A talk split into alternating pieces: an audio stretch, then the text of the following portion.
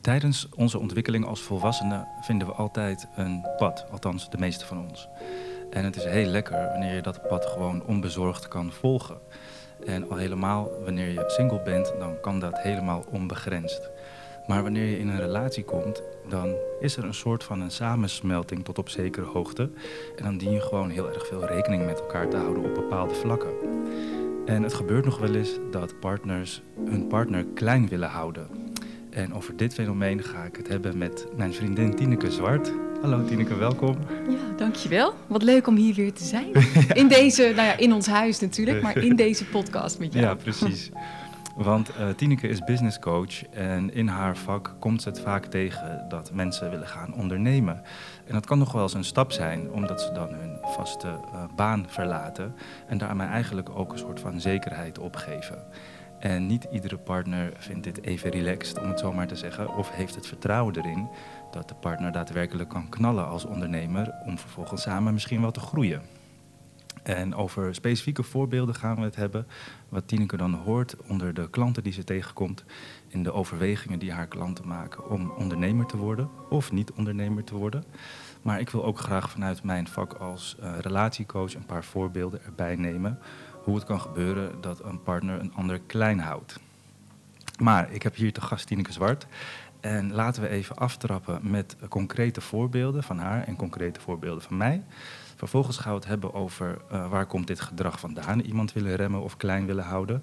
En dan kunnen we het gaan hebben over hoe kun je ermee omgaan. En heeft Tineke misschien ook concrete voorbeelden over hoe mensen daar zijn, uh, van zijn vrijgekomen om vervolgens wel succesvol ondernemer te worden of niet succesvol ondernemer te worden, maar het in ieder geval geprobeerd hebben.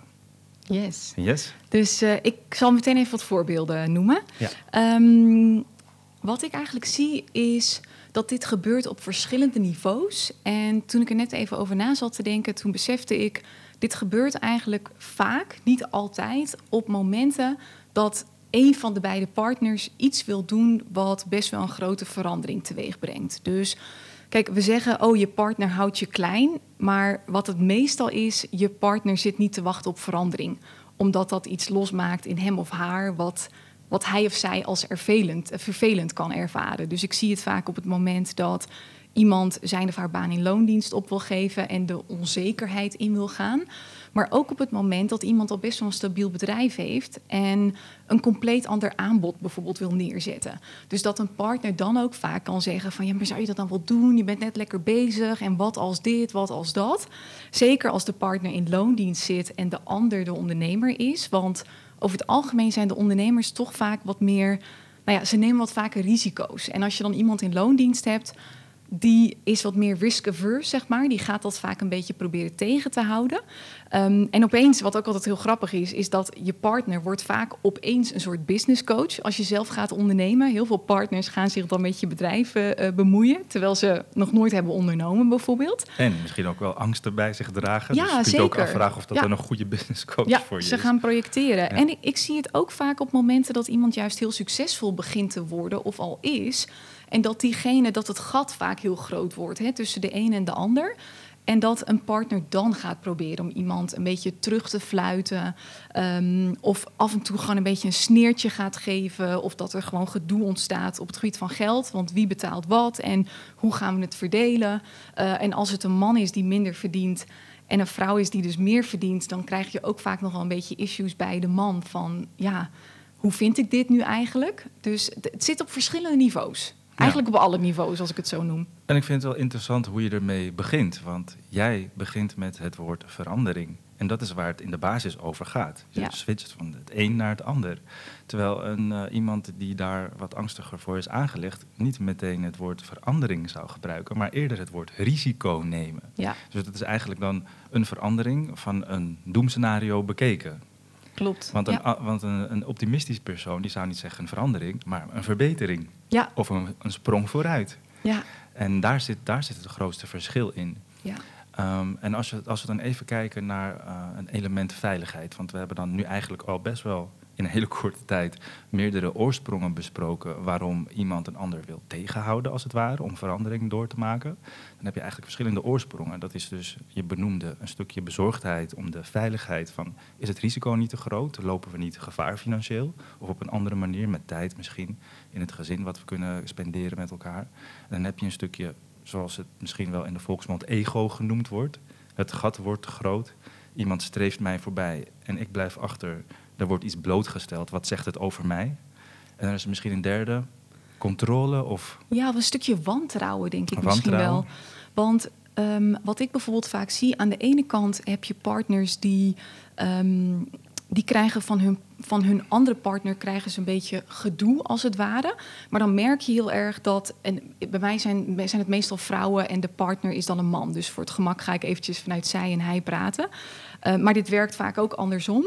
Wat je dan vaak ziet, is dat, um, dat de man zeg maar, tegen de vrouw dingen begint te zeggen. waaruit je kunt merken dat hij een overtuiging heeft als ondernemen is moeilijk. Of ondernemen aan zich, dat uh, moet je niet doen. Of ondernemen aan zich is risicovol. Maar wat ik ook wel eens merk, is dat een partner dat niet per se heeft, maar dat hij gewoon letterlijk wantrouwen heeft richting zijn vriendin omdat zij bijvoorbeeld uh, niet betrouwbaar is. En dat betekent niet dat ze vreemd is gegaan of iets dergelijks. Maar de voorbeelden die ik dan vaak terugkrijg, is dat ze bijvoorbeeld zegt: Volgende week ga ik dit en dit doen. En dat doet ze dan mhm. steeds niet. En dat zijn steeds maar kleine dingen waardoor zij zichzelf niet kan vertrouwen. En dat de partner denkt: van ja, maar je zegt nu wel dat je dit gaat doen, maar ik weet niet zeker of jij dit wel specifiek kunt. Waarmee dan een partner gegronde redenen heeft om te twijfelen of iemand het kan. Ja. En geef jij dan als onpartijdige businesscoach dan ook wel eens het advies van als dat een patroon is dat je misschien is ondernemen niks voor jou, dat je dat dan zegt? Ja, ik vind altijd heel lastig om te zeggen ondernemen is niks voor jou. Ik zeg het wel eens in zijn algemeenheid, want dat vind ik ook gewoon. De meeste, de meeste mensen zijn gewoon geen ondernemer. We hebben alleen op Instagram is er een heel geromantiseerd beeld gecreëerd van vrijheid, blijheid en vet veel geld verdienen, lanceringen doen van 10k. En daar dromen mensen van. Maar de realiteit is heel anders. Dus ik zeg wel in zijn algemeenheid, de meeste mensen gaan, voor hen gaat het tegenvallen. Maar ik durf het eerlijk gezegd nooit specifiek tegen iemand te zeggen, want ik heb maar zo weinig informatie. En ik kan wel een eerste indruk hebben. En ik ben me, ik ben me wel bewust van mijn. Um, oh, dit klinkt echt vreselijk als ik dit zo zeg, maar mijn positie, zeg maar. Ik heb wel een, wat een, naam gecreëerd. Ja, laten we uh, zeggen hoe andere mensen eventueel naar jou kijken. Ja, en die nemen het dan heel serieus, weet je wel. En dan, dan kan het zo zijn dat iemand denkt... oh my god, nou Tineke Zwart zei tegen mij dat ik het waarschijnlijk niet kan. Nou, laat dan maar zitten. Ja. Terwijl, ja, ik kan zoiets denken op een heel klein stukje informatie... maar dat hoeft niks te zeggen, zeg maar, over die mhm. persoon. En die ene opmerking van mij kan dan alle motivatie eruit slaan. Dus ik zal dat nooit zo zeggen. Maar ik zal wel iemand bewust maken van... hé, hey, besef wel dat het dit en dit inhoudt. Mhm. Besef wel dat zus en zo. Heb jij daarnaast concrete voorbeelden van mensen die uh, zich dusdanig hebben laten beïnvloeden door een partner... dat ze dan maar niet gekozen hebben om ondernemer te worden... en anders gekozen hebben? Of heb nou, jij altijd wel doorzetters gehad? Dat weet ik niet zo goed, want dan kom ik niet met ze in aanraking. Ik denk dat die mensen er heel erg veel zijn. Maar dat zijn geen mensen die contact met mij opnemen, want die besluiten om niet te ondernemen. En ik kom pas in beeld op het moment dat je besluit om wel te gaan ondernemen. Ja. Dus nou, dit is dus een hele, hele mooie setting, want die mensen die luisteren misschien wel nu. En dan, is dan is het misschien een hele interessante vraag aan jou als business coach als jij iemand zou mogen overtuigen of de moed zou mogen laten verzamelen om dan toch nog wel te, in, op zijn minst verder te oriënteren om een eigen bedrijf te runnen, wat zou je dan tegen ze zeggen? Ja, wat zou ik dan zeggen? Nou, even ook uh, rekening houdende met dat er waarschijnlijk een partner is die het een beetje spannend vindt. Dat is een beetje de, de scope. Nou, wat ik dan adviseer meestal is om samen in gesprek te gaan en te kijken van eigenlijk even naar het hele spectrum, zeg maar. Want het feit dat iemand nu niet onderneemt, dat betekent vaak ook dat hij of zij niet op een fijne plek zit nu in zijn of leven. Dus die gaat waarschijnlijk met, een, uh, met weinig energie, komt ze uit haar werk bijvoorbeeld, voelt zich niet blij. En ja, da daar krijgt de partner ook mee te maken. Dus tuurlijk, het is onzeker voor de partner, maar hij of zij krijgt er waarschijnlijk ook een leuker mens voor terug als die hem of haar laat ondernemen. Maar wat je wel kunt doen, is dat je samen een soort risicoberekening gaat maken en een punt kiest tot waar gaan we. Dus ik heb dat toen ook voor mezelf gedaan, ook al was ik vrijgezel op dat moment. Maar oké, ik ga voor deze droom, maar ik geef mezelf wel een tijdlimiet. Ik mag hier zes maanden volle bak voor gaan. Dan moet ik op dit punt zijn gekomen en anders is het voorbij. En dan ga je En- met plezier alsnog wel een functie in loondienst nemen. Precies, of je gaat het combineren. Hè? Want dat wilde ik net nog als antwoord geven op jouw vraag. Dat zie ik wel vaak gebeuren. Dat iemand eerst fulltime gaat ondernemen, maar doordat de partner toch moeilijk vindt, dat ze dan eh, tijdelijk weer een baan in loondienst zoekt. En dan meestal niet fulltime, maar wel parttime. Oké. En dat kan ook een mooie middenweg zijn. Hè? En heel eerlijk, ik denk voor de meeste ondernemers, ook al heb je niet een partner die je zeg maar klein houdt of die niet van verandering houdt, ik denk dat dat heel gezond is om naast het opzetten van je bedrijf ook nog deels een baan in loondienst bijvoorbeeld te Mm. hebben. Want het, het is voor heel. Ja, in het begin. Het, het hoeft niet per se. Als je dat 50-50 niet hebt, is het ook ja. geen probleem. Maar heel veel mensen die valt het in het begin soms een beetje tegen. Want je krijgt de ene nee naar de andere nee. En je moet allemaal ongemakkelijke dingen doen. In één keer sales en marketing. Je bent in één keer alleen, want de meeste mensen ondernemen alleen. Dus die voelen zich eenzaam. Dus het, het is niet een slecht idee om dat een beetje geleidelijk af te bouwen, zeg maar, je baan in loondienst.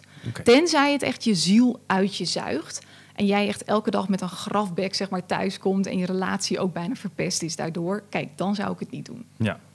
Oké, ja, dus wantrouwen is een mooie laatste. Ehm, en dan een mooi advies voor degenen die het nog overwegen. En ik, ik wil die heel even onderbreken, want het was bijna zo'n zinnetje van... mensen die niet ondernemen, die zijn niet zo heel gelukkig. Maar je, je, het was de specificatie, eh, mensen die overwegen om te gaan ondernemen... en steeds in die overweging vast blijven zitten. Dat kan een indicatie zijn Ja. dat ze in loondienst niet heel gelukkig zijn. Dat en het, klopt. het hoeft niet zo anders, te anders zijn. overweeg je het niet. Nee, klopt. Ja. Het hoeft niet zo te zijn. Maar, en, en nu spreek ik even vanuit mijn eigen beeld. Ja. Hè. 90% van de mensen die bij mij komt, die ging in loondienst een beetje daaraan onderdoor. Om de een of andere reden.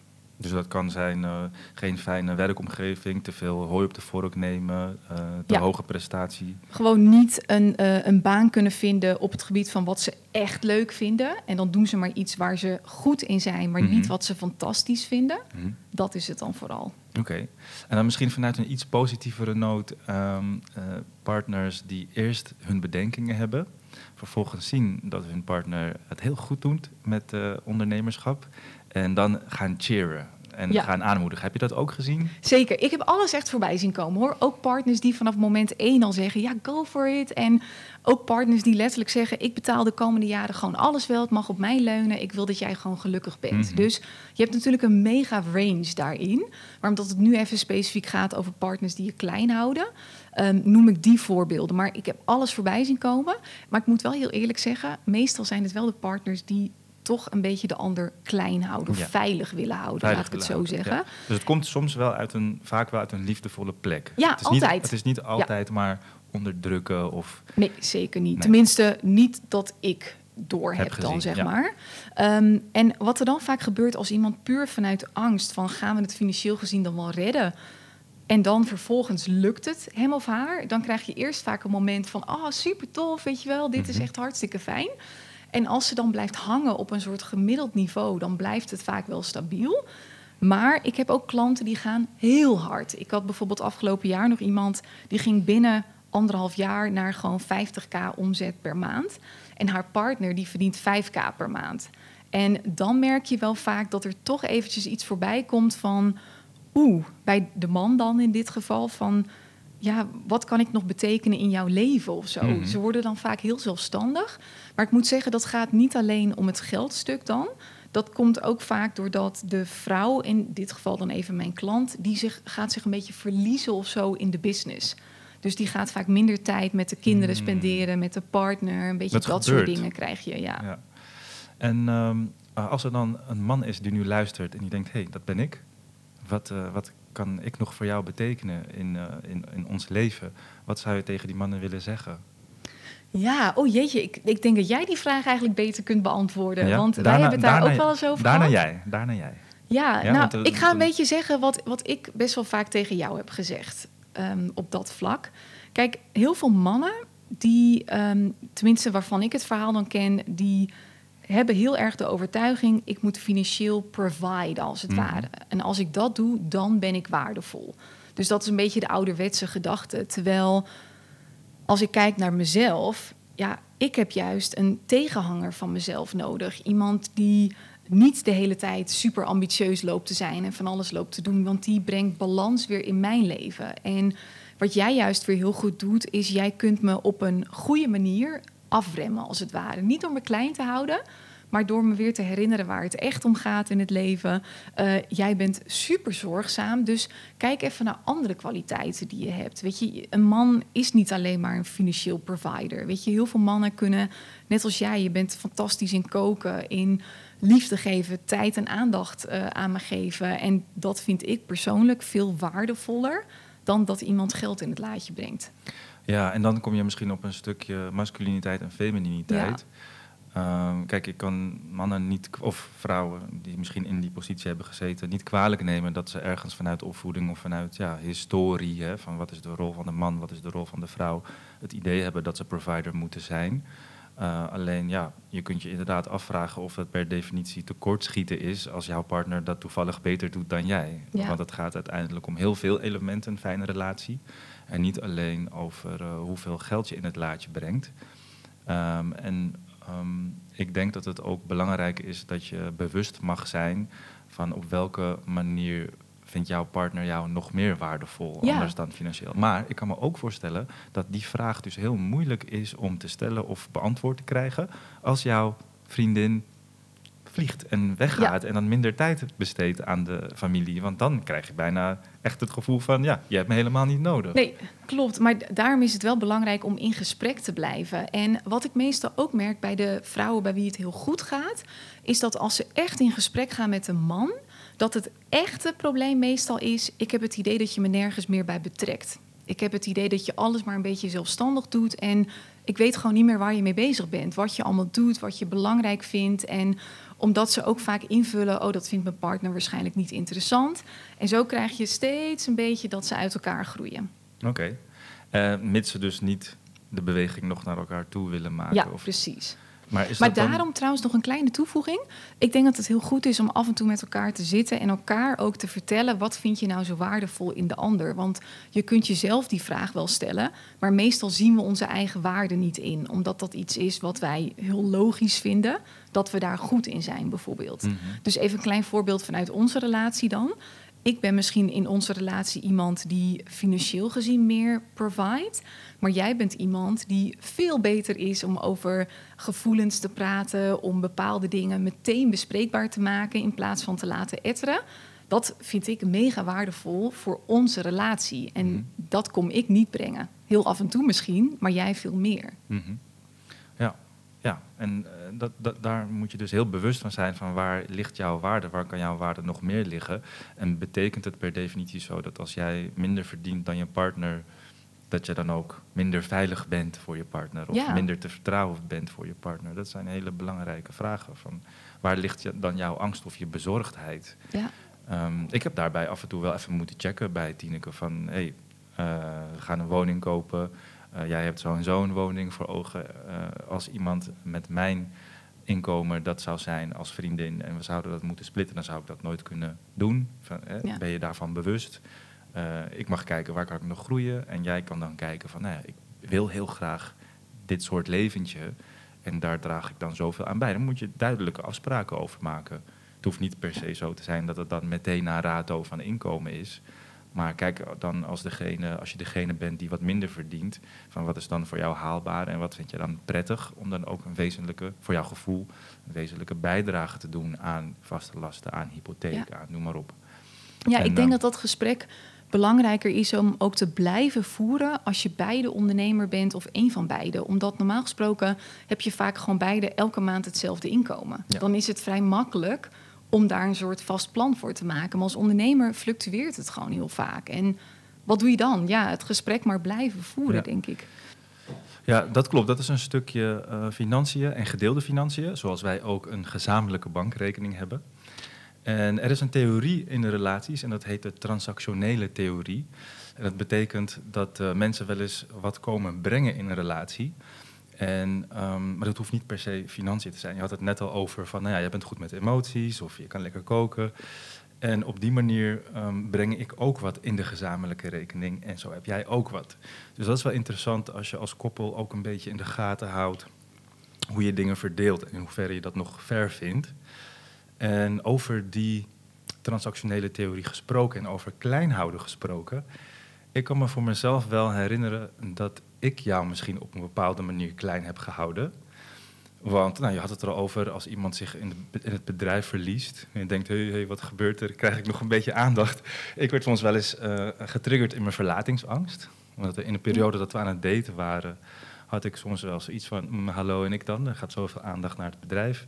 Terwijl tien uh, heus niet heel veel meer dan 40 uur per week of zo aan het werk was. Maar ik ervaarde dat zo vanuit mijn eigen verlatingsissue soms. Uh, hoe ervaarde jij dat? Heb ik jou wel eens klein gehouden? Nee, voor mijn gevoel niet. Nou ja, in het begin dacht ik wel eens van. Dan had ik dat idee wel eens, omdat het dan een beetje vanuit een soort jaloezie misschien kwam of zo. Oh. Bezorgdheid vanuit jou. Dat ik soms dacht van Oh, wil je, dan was mijn uh, gedachte, wil, je dan wel dat ik, dat ik verder groei met mijn oh, bedrijf? Maar ik weet ook dat dat er helemaal niet achter zat. Maar dat vond ik dan een beetje lastig om te bespreken. En nu weet ik dat het anders is. En nu ben ik er juist blij mee. Want ja, we hadden het er net ook al over toen de podcast, de microfoon nog niet aanstond.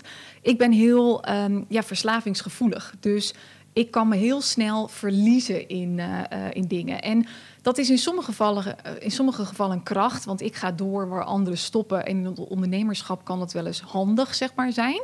Maar ik kan mezelf ook gewoon de vernietiging in uh, helpen, als het ware. Dan kan ik gewoon alles vergeten.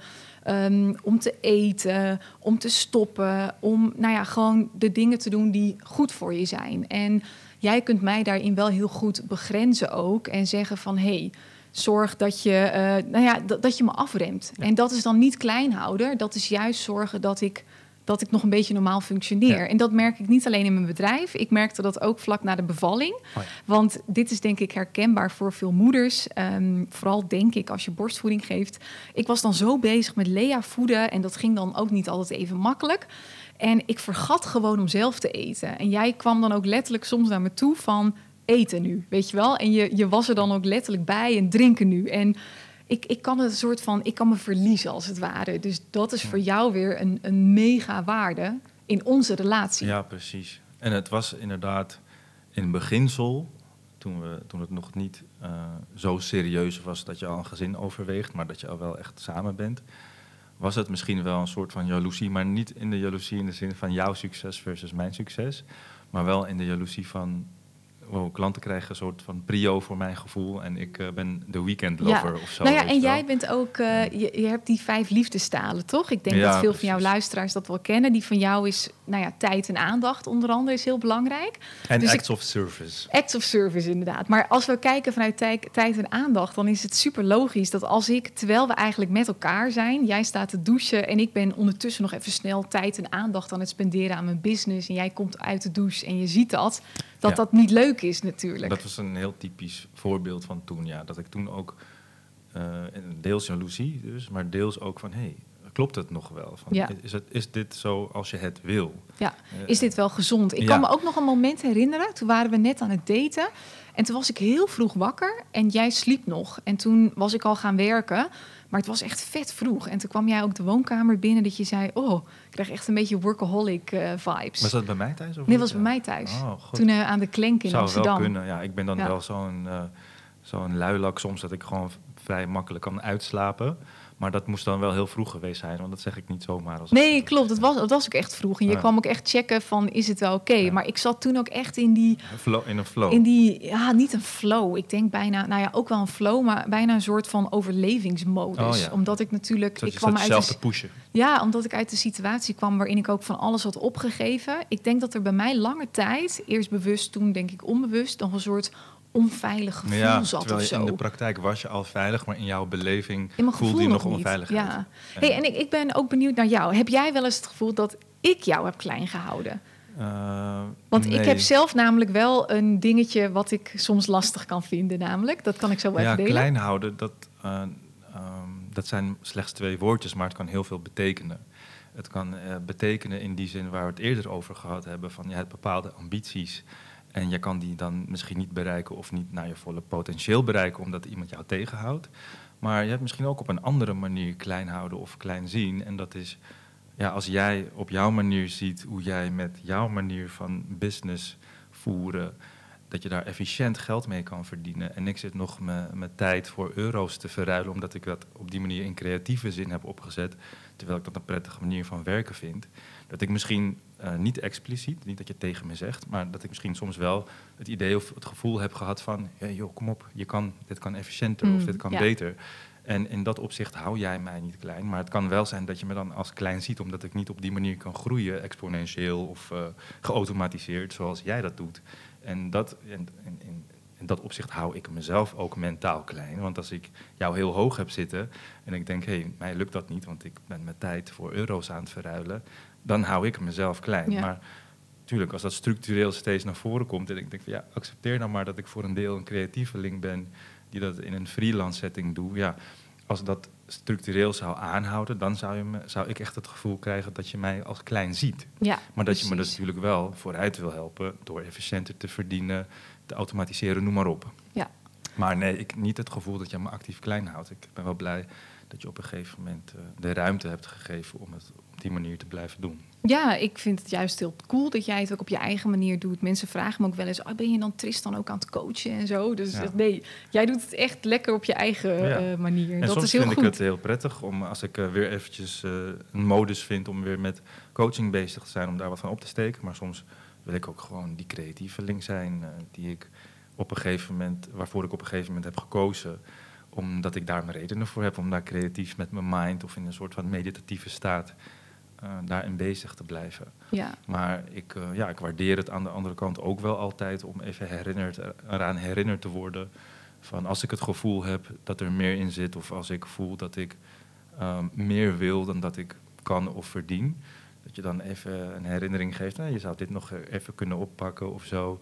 Maar ja, ik ben zo'n eenvoudig mens dat als ik dan minder verdien en ik kan even uh, komend kwartaal niet die nieuwe auto kopen, ja, dat boeit me dan ook niet zo. Nee. Ja, ik nou ja, en ben daar wat simpeler in. Je verdient prima op dit moment ook. Je kunt perfect rondkomen, dus er is dan ook niet een probleem wat dat betreft. ja, dat is dan een beetje dubbel, want soms is het zo van, ja, dit is een keuze en dit is het uh, leven waarvoor ik uh, gekozen heb en, en wat ik prettig vind.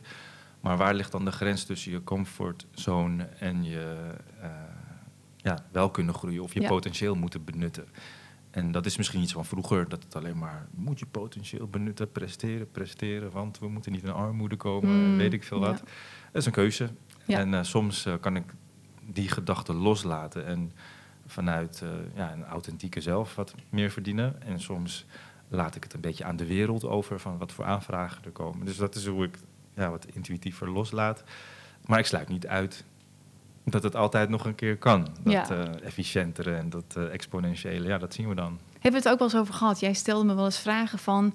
Wat nou als mijn coaching business echt vet ontploft? Ik krijg duizenden volgers en ik ga honderd keer... Jij zei, dat zou ik chill vinden. Maar nou er was ook een periode in ons samen zijn dat je zo een beetje zoiets had van... Oeh, straks streef je me voorbij. Ja, nou ja, ja dat ik... Nou, eh, niet van dat, dat, ik je dat niet gun, maar ik was dan... Ik heb het natuurlijk ervaren hoe het is om met een super succesvolle uh, man te zijn. Dan financieel gezien, hè, die heel veel aanzien had en dat was, hij was compleet geobsedeerd door werk en ik deed er niet meer toe. Dus daar zit bij mij dan een bepaalde angst. En een zichtbaarheidsonderdeel. En een zichtbaarheid, ja, dat wilde ik net delen ook. Kijk, um, dat je iemand klein houdt, je eigen partner misschien, of je voelt je klein gehouden, dat komt bijna altijd door een bepaalde onzekerheid dan hè, van je partner. En Ehm, bij mij zit hij dan meer in dat ik Tristan die wilde gaan coachen. Nou, superleuk. En op een gegeven moment werd dat specifieker en uh, werd dat meer relatiecoaching ook. En Waarbij dat klopt dan 80% helemaal. of 90% van mijn volgers dan vrouw Vrouw is, ja. En dat is super kloppend. Want als hij ergens geweldig is, in is, dan is het dat wel. Dus ik vind helemaal dat hij dat moet doen. Maar het zijn allemaal vrouwen. En op TikTok heb je, nou ja, daar, het is, daar heb je mega veel volgers, bereik ook. En je trekt nou, best ja, wat klanten niet aan. meer dan dat jij op, op Insta hebt. Nee, maar jij hebt echt wel viral posts daar. Dat heb ik op TikTok nog niet gehad. En op Insta valt dat ook wel mee. Ik heb wel veel volgers, maar het bereik is meestal nou ja, lager dan wat jij op TikTok zeg maar hebt. En dan komen er vaak vrouwelijke klanten ook. En heel af en toe zie ik ze. En de laatste paar keer dacht ik echt, oh, je bent echt vet knap. Weet je wel? Dat ik denk, kutwijs. Nee. nou ja, wat doe jij in mijn huis met ja, mijn wat doe jij met mijn man, inderdaad? Maar het is ook nee, wel een element... Is persoonlijke dingen bespreken, kwetsbaar Ja, je gaat heel eh, intiem met elkaar in gesprek, inderdaad. Je hebt Ja. het misschien ja, over relaties en, en de Soms diepste over dingen. seksuele dingen, sensuele Ja, dingen. En ik- over, eh, over eh, nou ja, echt dingen die je hebt moeten overwinnen. Dingen waar je nog verdrietig over bent. Dat zijn Ja. wel gevoelige dingen waar je het als man en vrouw met elkaar over hebt Nou in ja, een ik relatie. kan me dan voorstellen dat je een band bouwt. En zeg maar in mijn worst case scenario, in, in my mind, zeg maar, dan denk ik, oh, dan worden jullie verliefd op elkaar en dan gaan jullie met elkaar verder. Of iemand die bespeelt jou een beetje en die zit alleen maar bij jou omdat ze je vet knap en leuk vindt en dat soort dingen. Dus da- dat is dan een beetje op mijn slechte dagen waar ik aan denk. Maar goed, we zijn al een tijdje samen, we hebben een kind samen, ik vertrouw je helemaal. Dus Maar grappig hoe dat dus Dat werkt. is, eh, Hoe verder in een fase je zit met ontwikkeling als gezin, hè, met ontwikkeling in een relatie, hoe meer je dan erop gerustgesteld bent dat je veiliger bent. ja, terwijl, Terwijl dat, dat- niet per se zo is. Want heel veel relaties die klappen later inderdaad. Ik wil ja. niet, niks impliceren met hoe ik dat doe, maar je kan er ook wel op vertrouwen dat als ik, als ik echt mega mezelf aangetrokken voel tot iemand, als dat er zou zijn, eh, of andersom, dat, ik, dat je vanuit professioneel opzicht ook gewoon zegt van ja, ik kan hier niet coachen, want ik zit hier Nee. niet meer eh, ontspannen mijn werk te doen. Dus Ja. Dat, da- daarvan kan je wel eh, op, op berekend zijn. Ik bedoel, ik mag hopen dat jij dat ook hebt, hè? dat als er een man zich bij jou aanklopt van ik wil graag die tienduizenden, honderdduizenden, miljoenen verdienen, kan jij me helpen? En jij denkt, holy shit, dit is echt mijn ding. droom, man. Ja. Eh, dus een soort van Tristan 5.0 of zo. Let's go. Dat je ook wel toegeeft van, nou meneer, eh, of nou, ook wel eventueel met me deelt van, wow, Tris, ik kwam vandaag een aanvraag tegen. Ja. Ik dacht, holy smokes. Nou ja, ik trek eh, überhaupt bijna geen man aan. Dus bij mij is dat probleem eh, zal zich niet zo snel eh, voordoen. En ik wilde, wat wilde ik nou net nog zeggen? Ook iets daarover. Oh ja, die angst komt bij mij ook een beetje doordat ja, mijn ex ging heel veel vreemd. Dus Precies. dan, ja, en ik weet, jij bent een compleet ander persoon. Want die, maar die toch had ben je ook een vorm van exposure. Want hij was ook zichtbaar. Of hoe, hoe was ja, meer op dat- conferenties en zo. Oh, ja, die ja, was dus offline zichtbaar meer. Ja, Ja, precies. Want wat jullie deden online, dat was niet meer voor jullie. Dat was meer voor de Voor klant. klanten, inderdaad, ja. Dus die, ja, dat, ik denk dat de luisteraar dat ook wel herkent. Hè? Ook al heb je nu een, een partner die nog nooit vreemd is gegaan, waarvan je weet, hé, hey, dat is ook totaal niet het type die dat waarschijnlijk zou doen. Maar het is gebeurd in eerdere relaties of in relaties, Nou, of dan het blijft het vaak een het- beetje bij je. het Het, gebeurt in het leven. ja, dat ook. hè? Ja. En die, die mogelijkheid is er altijd. Ja. Maar ja, in hoeverre ben je in staat om, om die mogelijkheid bij je neer te leggen en dan op vertrouwen eh, te weten van het kan gebeuren in het leven, maar we overleven het, of ik overleef het individueel ook wel Ja. als dat gebeurt. En eh, om dan niet meer vanuit die angst klein te hoeven houden, dat is heel fijn. En ik denk dat eh, hoe vaker je het oefent, hoe makkelijker het wordt. En hoe makkelijker het wordt, hoe meer vertrouwen je ook ja, geeft aan je partner, waardoor die er ook netter mee om zal gaan. Ja. Hey, en wat denk ik ook nog wel interessant is, dat ehm, kijk, je hebt natuurlijk soms partners die je klein houden, maar wat ik vaak genoeg ook hoor zijn ouders. Ik heb bijvoorbeeld heel Ja. veel klanten wiens moeder dan een beetje ehm, het niet zo leuk vindt of Ja. iets dergelijks. Ehm, heb ik het met mijn moeder ook wel eens over gehad. Die zegt ook altijd van, oh, ik kan niet naar jou luisteren in een podcast. En jouw podcast vindt ze geweldig om te luisteren. Dat is onder andere alleen al omdat ik dan Nederlands praat, terwijl ik met haar Fries praat. Nou ja, dat kan dan een beetje een dingetje zijn. En dat hoor ik vaker, hè, dat, dat moeders of zo klein houden. Maar soms vraag ik me ook wel af van, als je even doordenkt, hè, is het de partner of de moeder die je klein houdt, of doe je dat uiteindelijk zelf? Want ik bedoel, jij, jij bepaalt toch of je je daardoor tegen laat ja, houden. dat zei en ik uiteindelijk, eigenlijk al tegen jou. Als ik Ja. jou heel hoog heb zitten en ik, eh, ik eh, vind het een moeilijke spiegel om te zien hoe succesvol je bent, echt puur inkomenstechnisch of impacttechnisch. En ik bekijk dan wat ik aan het doen ben en ik vind, voel mezelf heel klein, dan is dat iets wat in mij zit, wat zich dan ontluikt en, en wat dan wel of niet versterkt wordt. Maar je beslist zelf op welke manier je jezelf klein of groot ziet. ja, Hè, als ik mezelf als heel groot zie, omdat ik eh, mijn eigen unieke weg kan kiezen, terwijl de wereld of eh, opvoeders mij wilden pushen naar, eh, ja, je moet gymnasium doen en dan kan je arts worden of weet ik veel wat. Nou, dan kan ik mezelf als heel groot daarin zien dat ik, me niet, dat ik niet mijn ziel verkoop, Ja. omdat ik niet die behoefte voel om arts te worden bijvoorbeeld. Dus het is heel belangrijk dat je voor jezelf beslist, wat is klein, wat is groot. Hè, wat maakt mij dan klein of wat maakt mij dan groot? Uh, maar ja, klein houden, in hoeverre eh, trek je je wat aan, eh, aan die begrenzing. Van, Ja. Blijf Nou je dan hangen op eh, bijvoorbeeld 5000 of 10.000 per maand, terwijl jij weet dat je 30, 40, 50 kan verdienen.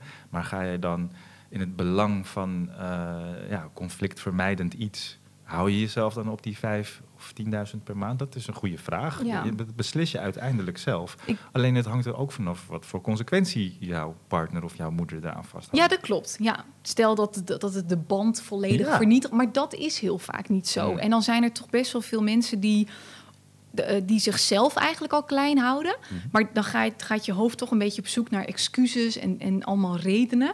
Dus dan grijpt hij dat ook als een kans van... oh ja, maar mijn partner dit en mijn moeder dat. Ja, Want dan, ben ik, niet, dan ben ik zelf niet de schuldige, Ja. zeg maar. En dan zorg je ervoor dus dat je die self-fulfilling prophecy krijgt... Van dat je inderdaad blijft hangen bij een bepaald inkomen... terwijl jouw authentieke zelf, hè, om het maar even met coachtermen te, te zeggen... misschien wel weet dat die veel, ver- veel verder kan.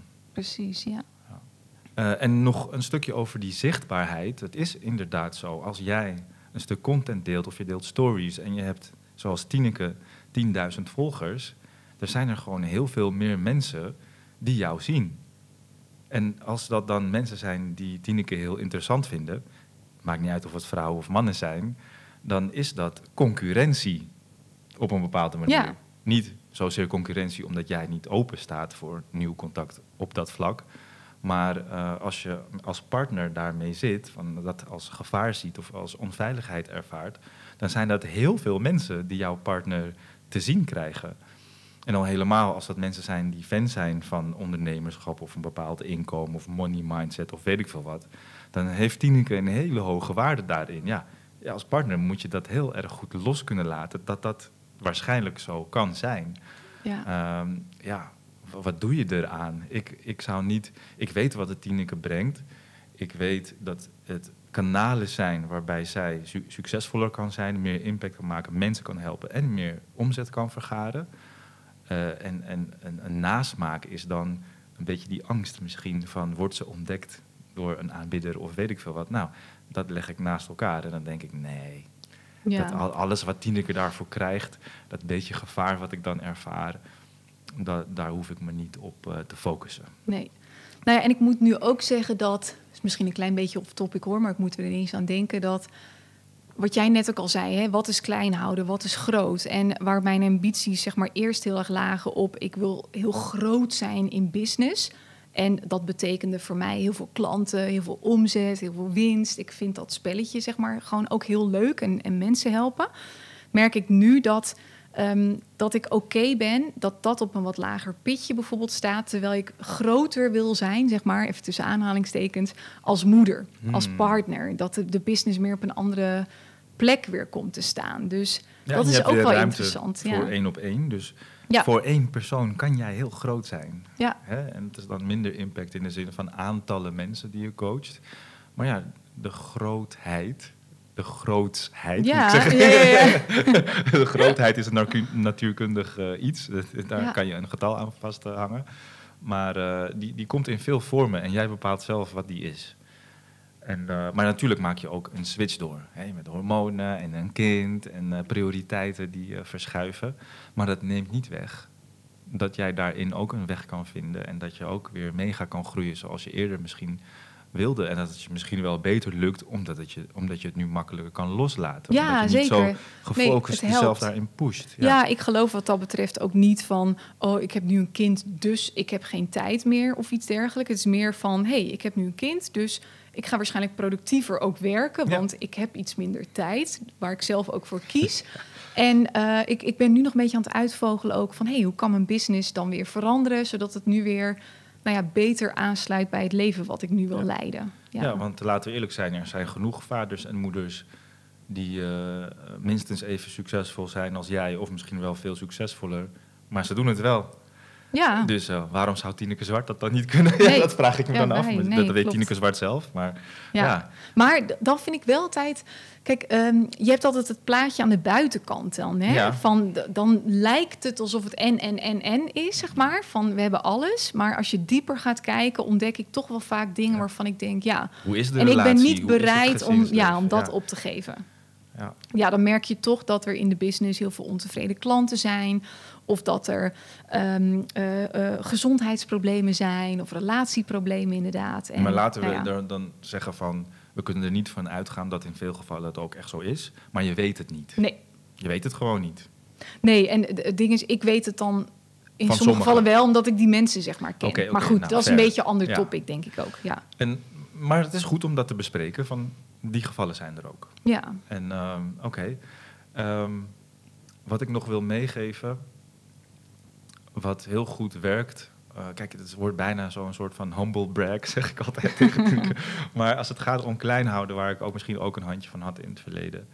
eh, of een soort van onrust die ik ervaarde, omdat het verschil in inkomen gewoon zo groot werd. Dat er bij mij in, in mijn hoofd een scenario kwam van als er eh, wat dan ook gebeurt waardoor de relatie beëindigd moet worden, dan is dat gat zo groot in vermogen of in investering wat je hebt kunnen doen elders of in het huis.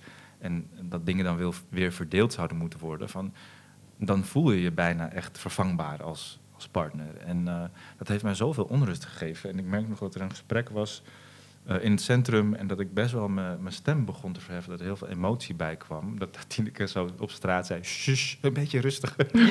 Mensen kunnen dit allemaal horen. Maar we hebben daarin echt wel een eh, middenweg moeten vinden, moet ik heel eerlijk in zijn. En ik heb dan ook het geluk dat ik op creatief of technisch of audiovisueel vlak iets kan betekenen voor Tineke, waarbij wij een constructie hebben dat, ik, eh, dat Tineke mij maandelijks een, een bijdrage doet eh, naar Rato voor uren of naar eh, percentage van wat haar winst is. Waarbij ik dus niks krijg als ze geen winst heeft, wat ik prima vind. Ehm, maar dat is dan een manier ook. Kijk, het gaat even niet om het geld. Het is, Tineke zei ook al eerder.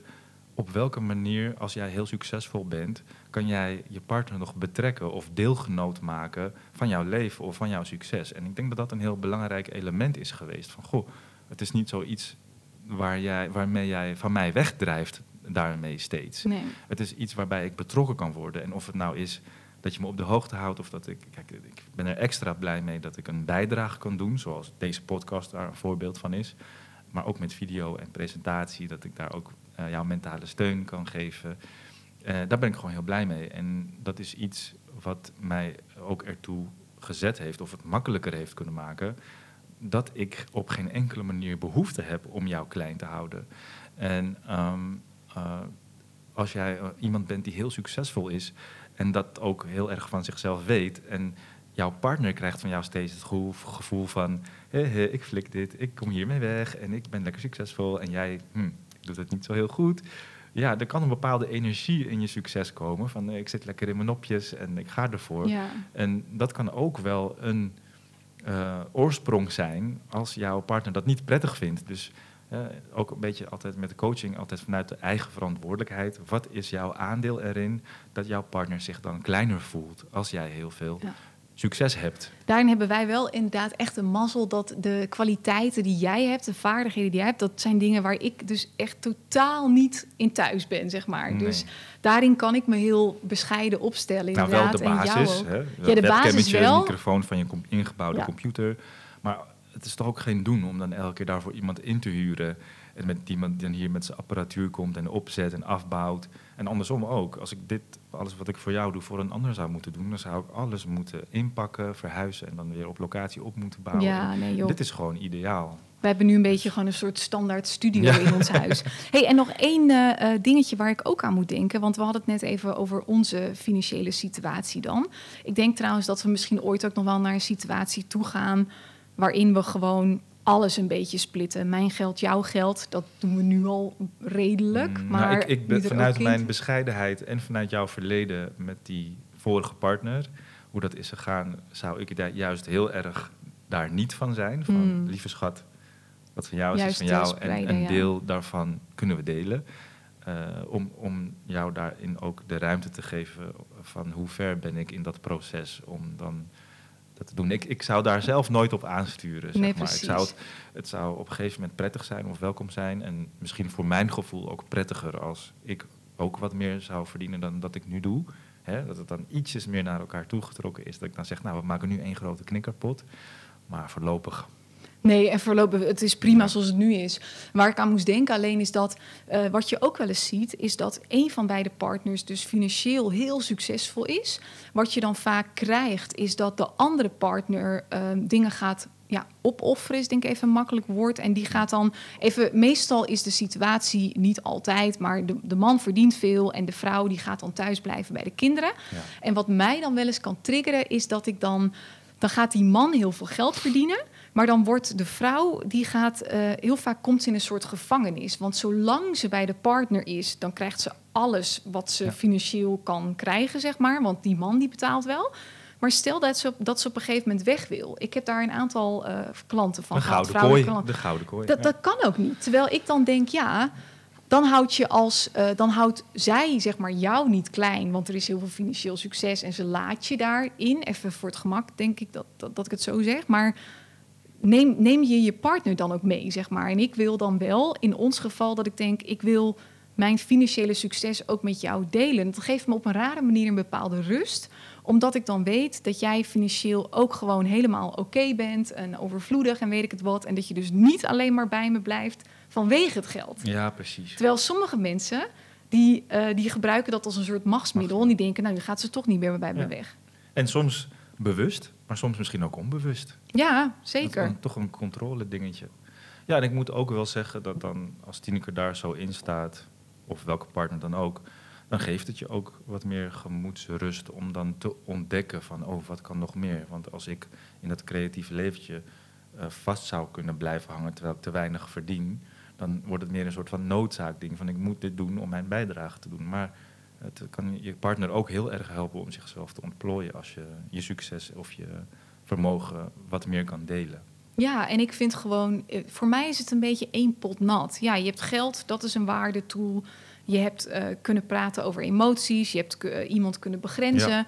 ja. weet je, van het een geef jij mij meer. Ik geef weer meer van het ander. Dus het, ja. ik zie het een beetje als uh, um, gewoon equal value, zeg maar. Ja. En je, ik hoorde dat ook wel eens van iemand, die ik noem geen naam hoor, die ik een tijd, een lang geleden interviewde. En dan was het een beetje dat verhaal ook. Dat die verdeling hadden haar, haar ouders ook. En dan was het een beetje zo van, ja, mijn moeder, hè, ja, een hele intelligente vrouw, maar had er niet echt wat van gemaakt.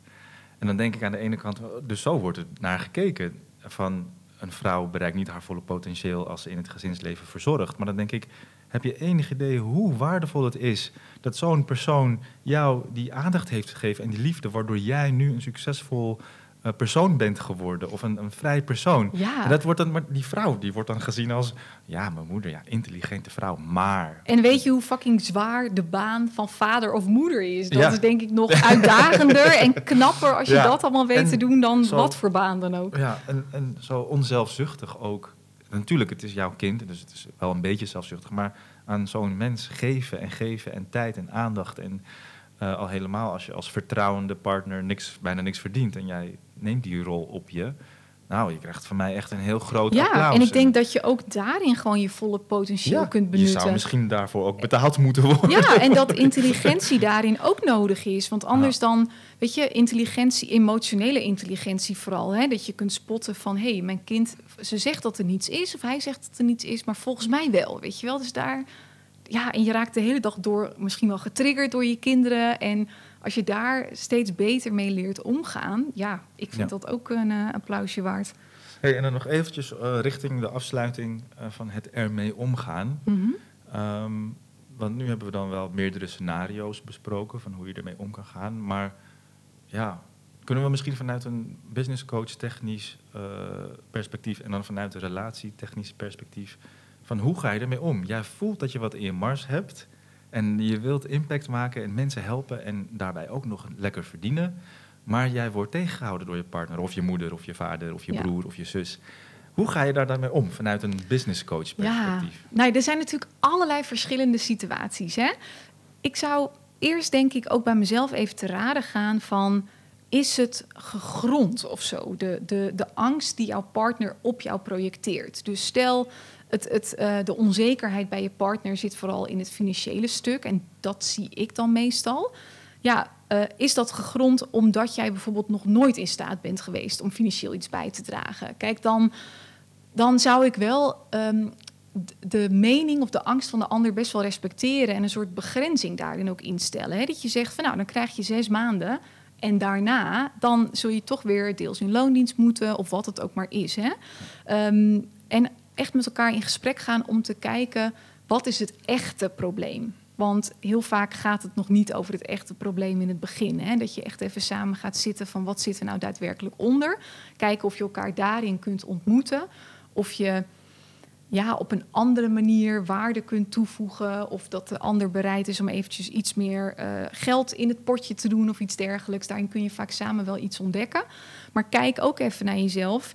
Houdt de ander mij nou echt klein of houd ik mezelf klein? Hè? Want ik krijg soms ook wel eens te horen van ja, en mijn partner dit en die houdt me klein. Terwijl als ik dan doorvraag, dan heeft diegene gewoon één keer even een opmerking gemaakt van oh, doe je wel voorzichtig, want. En dan denk ik ja, volgens mij ben je, ben je het nu heel groot aan het maken in je hoofd, zodat jij een excuus hebt om nog maar niet in beweging te komen. Mhm. En kijk dan ook voor jezelf, want dat heb ik dus wel eens met mijn moeder gehad, dat ik dacht ja mijn moeder kon er dan wel eens moeite mee hebben dat ik dan zo zichtbaar ben en dat ze je zo praat. ja, dat ik dan een andere versie van mezelf ben. Maar dat is, ja, dat is ook een beetje raar. Weet je, ik kijk met, met normale mensen zeg maar, die niet online ondernemer zijn. Ik kijk ook niet de hele dag mee in hun werk. En mijn familie en vrienden kunnen dat wel bij mij. En ik heb dus ook bij mezelf op een gegeven moment een keuze moeten maken van ja. Oké, dus mensen hebben daar een bepaald gevoel bij. Ik heb dat ook wel eens van vriendinnen gehoord. Van, oh, daar ben je dan wel een beetje anders of zo. En dan, ja, ik heb moeten beslissen, oké, en ik ga me daar niet door laten tegenhouden. Want uh, de, de prijs die ik anders betaal is, dan word ik misschien een soort van meer geaccepteerd of zo door familie of vrienden. Maar dan mis ik de kans op mijn droombedrijf. Ja, dat is het me niet waard, weet je wel. En dan maar gewoon doorgaan. Dus en dat je zult een pijn moeten kiezen, denk ik altijd. En dat laatste, dat, daar ben ik volledig, uh, uh, ja, dat, dat zou ik volledig adviseren. Wat voor niet voor iedereen altijd even makkelijk is. Al helemaal als jij, kijk, jij hebt dan nog het geluk dat jouw moeder je nog redelijk accepteert, zolang ze niet te veel content van je ziet of hoort. Maar ehm, eh, ik kan me voorstellen dat de acceptatie, het gevoel van acceptatie door je ouders, heel belangrijk is voor sommige mensen. Het zijn toch je verzorgers, misschien op een bepaalde manier belangrijkste mensen in je leven. En om je daardoor geaccepteerd te voelen, dat uh, weegt gewoon heel zwaar. Maar toch, ik ben heel erg voorstander van authentiek leven. Uh, dus echt volgens je eigen kernwaarden, volgens je eigen diepste verlangens en wensen. Zelfs ongeacht of uh, iemand uh, gegronde redenen heeft om jou wel of niet te vertrouwen in je kunnen. en het toch te doen en dan te ervaren alle ups en downs die er zijn. Want daar is het leven voor om het volledig te ervaren. Om daarin dan bij te sturen waar nodig. En dat is natuurlijk makkelijker gezegd dan gedaan. Want een relatie dat, dat is gewoon, dat weegt heel zwaar. En dat kan je verliezen als jouw uh, partner heel erg op de strepen gaat staan. Um, maar ja, ik, ik vind het altijd zonde als mensen dan water bij de wijn doen. Uit, uit angst om iemand te kwetsen. Of uit angst om iemand te veel onrust te geven. Want wat je gaat krijgen, waar, waar het ook even over had, jij kan je dan wel aanpassen op de wensen van een ander en dan uh, jezelf klein houden en dan minder succesvol zijn of minder impact maken, minder mensen helpen. Maar wat je dan vaak krijgt, is dat jij na verloop van tijd, als dat brandende verlangen om te willen groeien gebleven is en jij hebt jezelf klein gehouden, ga je die mensen haten. Omdat je mm, altijd het gevoel hebt, potverdomme, ik heb dat voor jou gelaten. Maar die mensen zijn daar dan al helemaal niet meer mee bezig. Want jij bent lekker je oude vertrouwde zelf gebleven, zoals zij jou graag wilden blijven zien. En, en dat wens ik niemand, want dan ben je bijna te laat. Nou, en als laatste, en dit is altijd een beetje, um, uh, beetje uh, hoe zeg je dat ook alweer? Dan bevinden we ons misschien op glad ijs. Maar het is denk ik wel belangrijk om te benoemen. Ik zal nooit mensen vanuit mezelf adviseren om contact te verbreken uh, met hun ouders of een relatie te verbreken of iets dergelijks. Maar ik denk wel dat er situaties zijn waarin iemand dusdanig wordt klein gehouden door een partner, gewoon structureel, of dat de, de moeder of de vader gewoon structureel eigenlijk iemand klein houdt, niet accepteert in alle zelven, zeg maar, want we zijn altijd meerdere soorten personen. Dus een beetje toxic, narcistisch iets misschien. Ja, dan is het misschien goed om op een gegeven moment wel na te denken over de vraag: is het verstandig om in deze relatie te blijven? Wat kost het me? Wat levert het me op? Dus hm, echt even daarbij stilstaan. Of zelfs met ja, met ouders. Weet je, ik heb best wat klanten en dat vind ik altijd wel heel heftig, want ehm, dat doe je niet zomaar.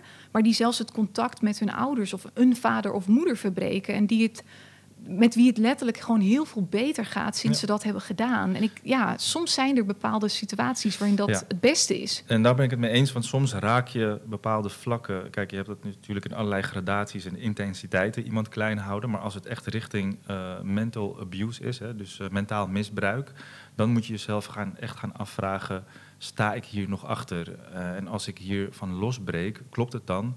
dat ik iets stop wat echt niet door de beugel kan. En, maar dat, dat is eigenlijk wel net even een ander vraagstuk. Maar mhm. speelt ongetwijfeld een rol in de klanten die je tegenkomt. En is ook heel belangrijk om, als je daar zelf niet echt een neusje voor hebt, omdat je met iemand bent opgevoed die misschien uh, narcistisch of toxic is, of die jou mentaal misbruikt heeft, maar je dan daardoor niet daar bewust van bent om eventjes uh, een, een, tweede partij uh, te, te, bevragen, een therapeut of een coach, van hé, hey, ik zit in deze situatie, is dit kosher? Ja, ik had het op een gegeven moment nodig, ook in die vorige relatie. Want soms zit je zelf er te diep in. Ben je zo gewend geraakt aan een bepaalde situatie. Wil je misschien ergens ook niet helemaal erkennen wat de situatie is. Dat je soms een ander nodig hebt om jou de ogen even te openen. Van heb je wel door wat hier gebeurt, zeg maar. Ja, precies. Ja. Dus um, Mocht je dat nodig hebben, dan ben je in ieder geval bij mij welkom. Maar ik, ik uh, breng mijn luisteraars altijd eerst, uh, of mijn, uh, sorry, ik breng mijn gasten altijd in de gelegenheid om hun aanbod te doen. Dus hierbij eventjes Tineke aan het woord. Ja, dus even kijken, hoe maak ik een goede brug? Mocht je jezelf niet meer klein willen houden of laten houden in en je hebt een ondernemerswens om te groeien of om te beginnen, nou, dan is het gewoon slim om, uh, ja, als je me nog niet volgt, ga eerst even wat van mijn podcast bijvoorbeeld luisteren. Of even mijn e-book downloaden of mijn masterclass. Je vindt alles op tinekezwart.com. Mocht je me al wat langer volgen of mocht je naar deze enkele podcast denken... ik wil iets kopen bij die, uh, bij die chick, dat uh, mag natuurlijk ook... dan kan ik je aanraden om mijn Business Boost Academy te volgen. Daar verkopen. Dat is een online programma waarin je gewoon letterlijk alles leert. Over het bouwen van een succesvol online bedrijf. Dus over het kiezen en aanspreken van je doelgroep. Het creëren van een aanbod waar je blij van wordt, wat goed verkoopt. Wat zet je op Instagram? Hoe je kunt verkopen zonder allerlei manipulatieve trucjes. Hoe je een podcast maakt. Gewoon echt alles wat nodig is daarvoor. En dan ook nog het stukje, niet alleen het strategiestuk, want dat is belangrijk. Maar ik ga ook heel diep in altijd op het mentale stuk. Want nou ja, dat heb je in deze podcast al wel gemerkt. Ook je kunt alles weten over strategie, dus wat je moet doen. Maar als je niet durft, omdat je jezelf klein houdt of iemand anders houdt je klein, dan gaat er alsnog niks gebeuren. En zo hebben we allemaal wel onze angsten en onzekerheden, belemmerende overtuigingen. Dus daar word je ook mee geholpen. Dus ook dat vind je op tinekezwart.com. Uh, ga daar dan eventjes heen en uh, als je nog vragen hebt, dan uh, help ik je met liefde.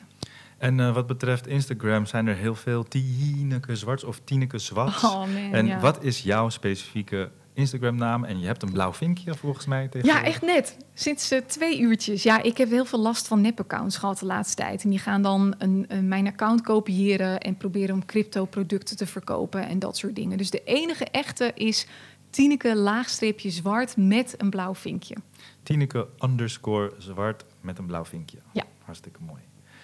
En wat relatiedingen en perikelen betreft ben je altijd nog welkom bij mij. Uh, mijn Instagram kun je vinden op Tristan Melano Relatiecoach. Met ook een blauw vinkje, toch? Met ook een blauw vinkje. En volgens mij ook een underscore. dus Tristan Melano underscore relatiecoach. En uh, bekijk daar rustig wat content. Misschien resoneert er iets. En ja, word je klein gehouden of betrap je jezelf erop dat je je partner aan het klein houden bent. En blijft dit steeds een terugkomend ding tussen jullie. Um, ik geef ook relatiecoaching. Uh, daarvan kan je een uh, gratis gesprek, vrijblijvend gesprek aanvragen van 45 minuten. Ik geef je alles wat ik heb. En als er daarna nog behoefte is, dan kun je uh, eh, 90 euro per gesprek betalen voor een uur. Daar kun je er drie van afnemen. En als het probleem daarna later nog dieper blijkt te zitten, dan kunnen we altijd kijken wat voor een traject er mogelijk is. En te zijner tijd komen er vast nog allerlei online producten, maar dat is nu nog even niet aan de orde. Dus uh, ik hoor je in ieder geval wat dat betreft graag. En misschien wil Tineke nog wat zeggen ter afsluiting. Ja, nou, ik moest ineens wel denken. Ik kan me voorstellen dat er best wat ondernemers hier naar luisteren. Hè? Omdat jij bent ondernemer, ik ben ondernemer. We hebben best wat in ons netwerk. En misschien dat jij deze opname ook... Ik ga hem ook delen, zeker. Um, ik merk dat heel veel ondernemers heel snel geneigd zijn om lekker veilig in business gerelateerde Ja. dingen te investeren. Dus ze investeren vaak heel makkelijk in hun bedrijf en niet zo makkelijk in zichzelf of in hun relatie. Terwijl ik kom het heel vaak tegen dat er echt het dat de grootste probleem dat het in de relatie zit, waardoor de business ook niet floreert. Dus ik wil je vragen als luisteraar, als je nu getriggerd raakt door eh, mijn Business Boost Academy of door mijn producten, st- stel jezelf wel echt even de vraag: ben ik daar nu echt mee geholpen? Of kan ik eigenlijk veel beter naar Tristan gaan om eens te kijken naar een heel ander stuk, wat uiteindelijk ook altijd impact heeft op je bedrijf of je baan in loondienst of wat dan ook. Of allebei. Of allebei. Ja, tuurlijk. Je mag ook naar ons beiden. En, eh, en eh, wat betreft de single-ondernemers heb ik ook nog eventjes een, eh, een aandachtspunt. Want ik kom heel veel singles tegen die moeite hebben met het aantrekken van een geschikte partner of het behouden van een geschikte partner. En dat komt heel vaak doordat hun focus heel erg is op de financiën en op werk.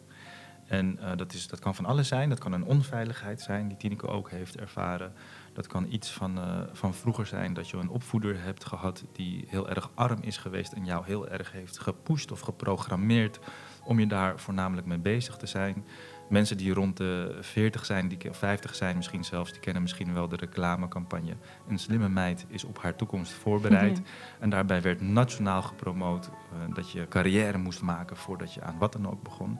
Sommige mensen zijn daar te ver in doorgeslagen en heb je hulp nodig om even te bekijken. Misschien zijn er blinde vlekken wat betreft relatie of daten. Dan weet je me ook te vinden bij deze. Ja, en ik denk daarin ook nog wel dat er ook heel veel mensen zijn die zich dan verliezen in de business omdat ze gewoon te bang zijn om weer te gaan daten. Of ze zijn een beetje, ehm, eh, eh, hoe zeg je dat, door al die Disney-films zijn ze misschien een beetje op het verkeerde spoor gezet. Omdat ze denken, ach, die prins op het witte paard of de prinses op het witte paard, weet ik veel. Die komt wel op een gegeven moment. Want op elk, elk potje past een dekseltje. Wat is er ook alweer? Ja. Ik geloof daar niet zo in. Ik denk dat je echt wel iets, tenminste daar wel in, maar ik denk wel dat je er iets voor mag gaan doen. Ja. Dus ook daarom eh, goed om bij jou eens te- iets te gaan doen. Bij Tristan dus. Zo is het. En dan zijn we nu aangekomen bij de afronding. Hartstikke bedankt voor het luisteren. Of je nou luistert op de Relationele Sferen podcast bij mij of bij de Succesvol Ondernemen podcast bij Tineke. We wensen je heel veel succes en ik wens jou ook heel veel liefde. Ik ook, dank je wel.